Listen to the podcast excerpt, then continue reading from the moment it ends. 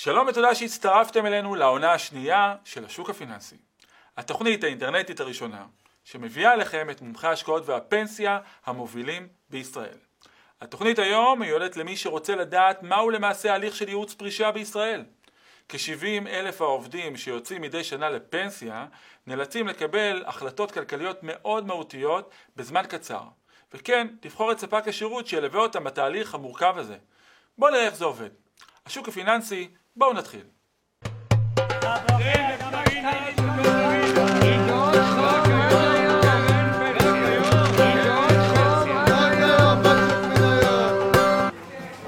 שלום לאמיר לוי, המנכ"ל והבעלים של חברת פרישה פרימיום, המתמחה בתכנון וליווי פרישה לגמלאות. שלום אודי.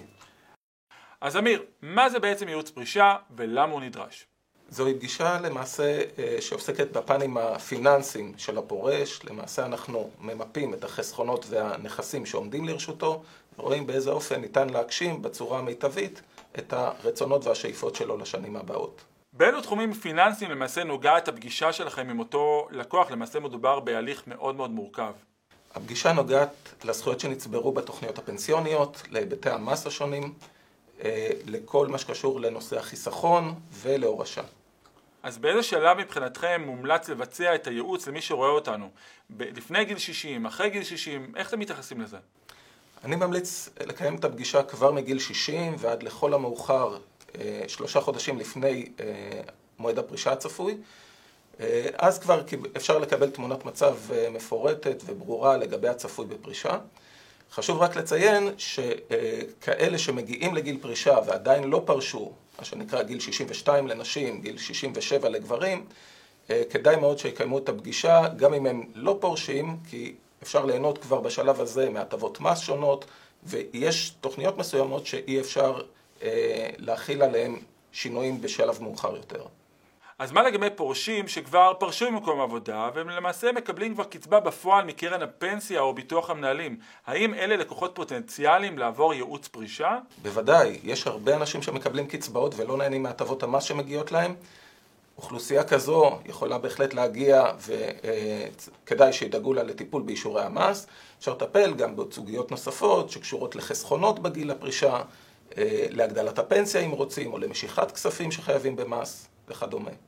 למעשה, כמו שאנחנו יודעים, אדם צובר בחייו בתקופת עבודה ארוכה של 35-40 שנה, מספר גדול של תוכניות פנסיוניות, ביטוחי מנהלים, קרנות פנסיה, אז איזה סוגי תוכניות למעשה אתם ממליצים לבחון בתהליך הזה? את כולם? את חלקם?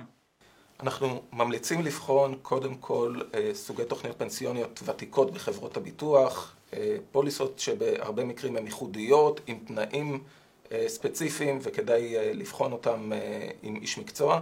מעבר לכך, כאלה שיש להם מספר רב של תוכניות, ביטוחי מנהלים, קרנות פנסיה, קופות גמל, גם להם כדאי להגיע לייעוץ.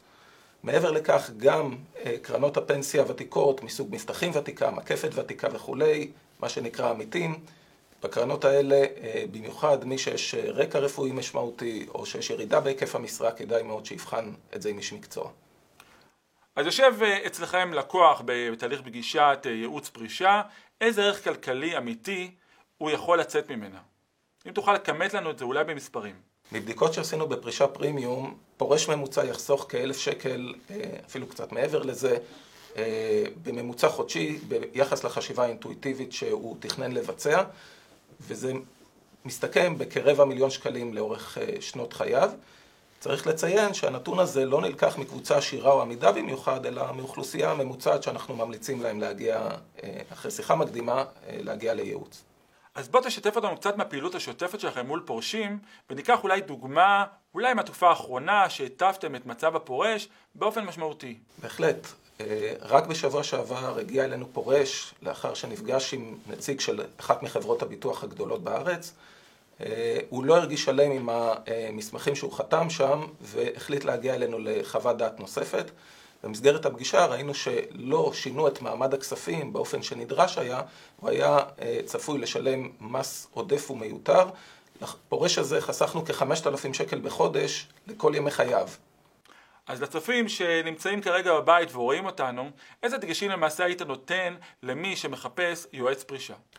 הייתי ממליץ להגיע ליועץ או מתכנן בלתי תלוי ולא נציג של חברת ביטוח, או לפחות לא להסתמך רק על נציג של חברת ביטוח. דבר שני, וחשוב מאוד, זה אה, שהיועץ יבין גם בתחומי המיסוי וגם בתחומים הפנסיוניים, כי השילוב של שני הנושאים האלה הוא מאוד מהותי לקבלת תמונה מפורטת ונכונה. מעבר לכך, רצוי שאותו יועץ שהתייעצתם איתו יהיה זה שיוכל ליישם עבורכם את הטיפול, גם מול חברות הביטוח השונות, קרנות הפנסיה, קופות הגמל, וגם מול מס הכנסה. אחרת נגררים לטרטור רב ומיותר. תודה רבה לאמיר לוי על הדברים האלו. בבקשה, תודה רבה. רוצים לצפות בפרקים נוספים? הצטרפו לעמוד של השוק הפיננסי בפייסבוק וקבלו גישה ישירה לפרקים הקודמים ולאלה שיבואו בהמשך. אתם מוזמנים לכתוב לנו על שאלות פיננסיות שמעניינות או מטרידות אתכם. מקווים שנהניתם ונתראה בפרק הבא.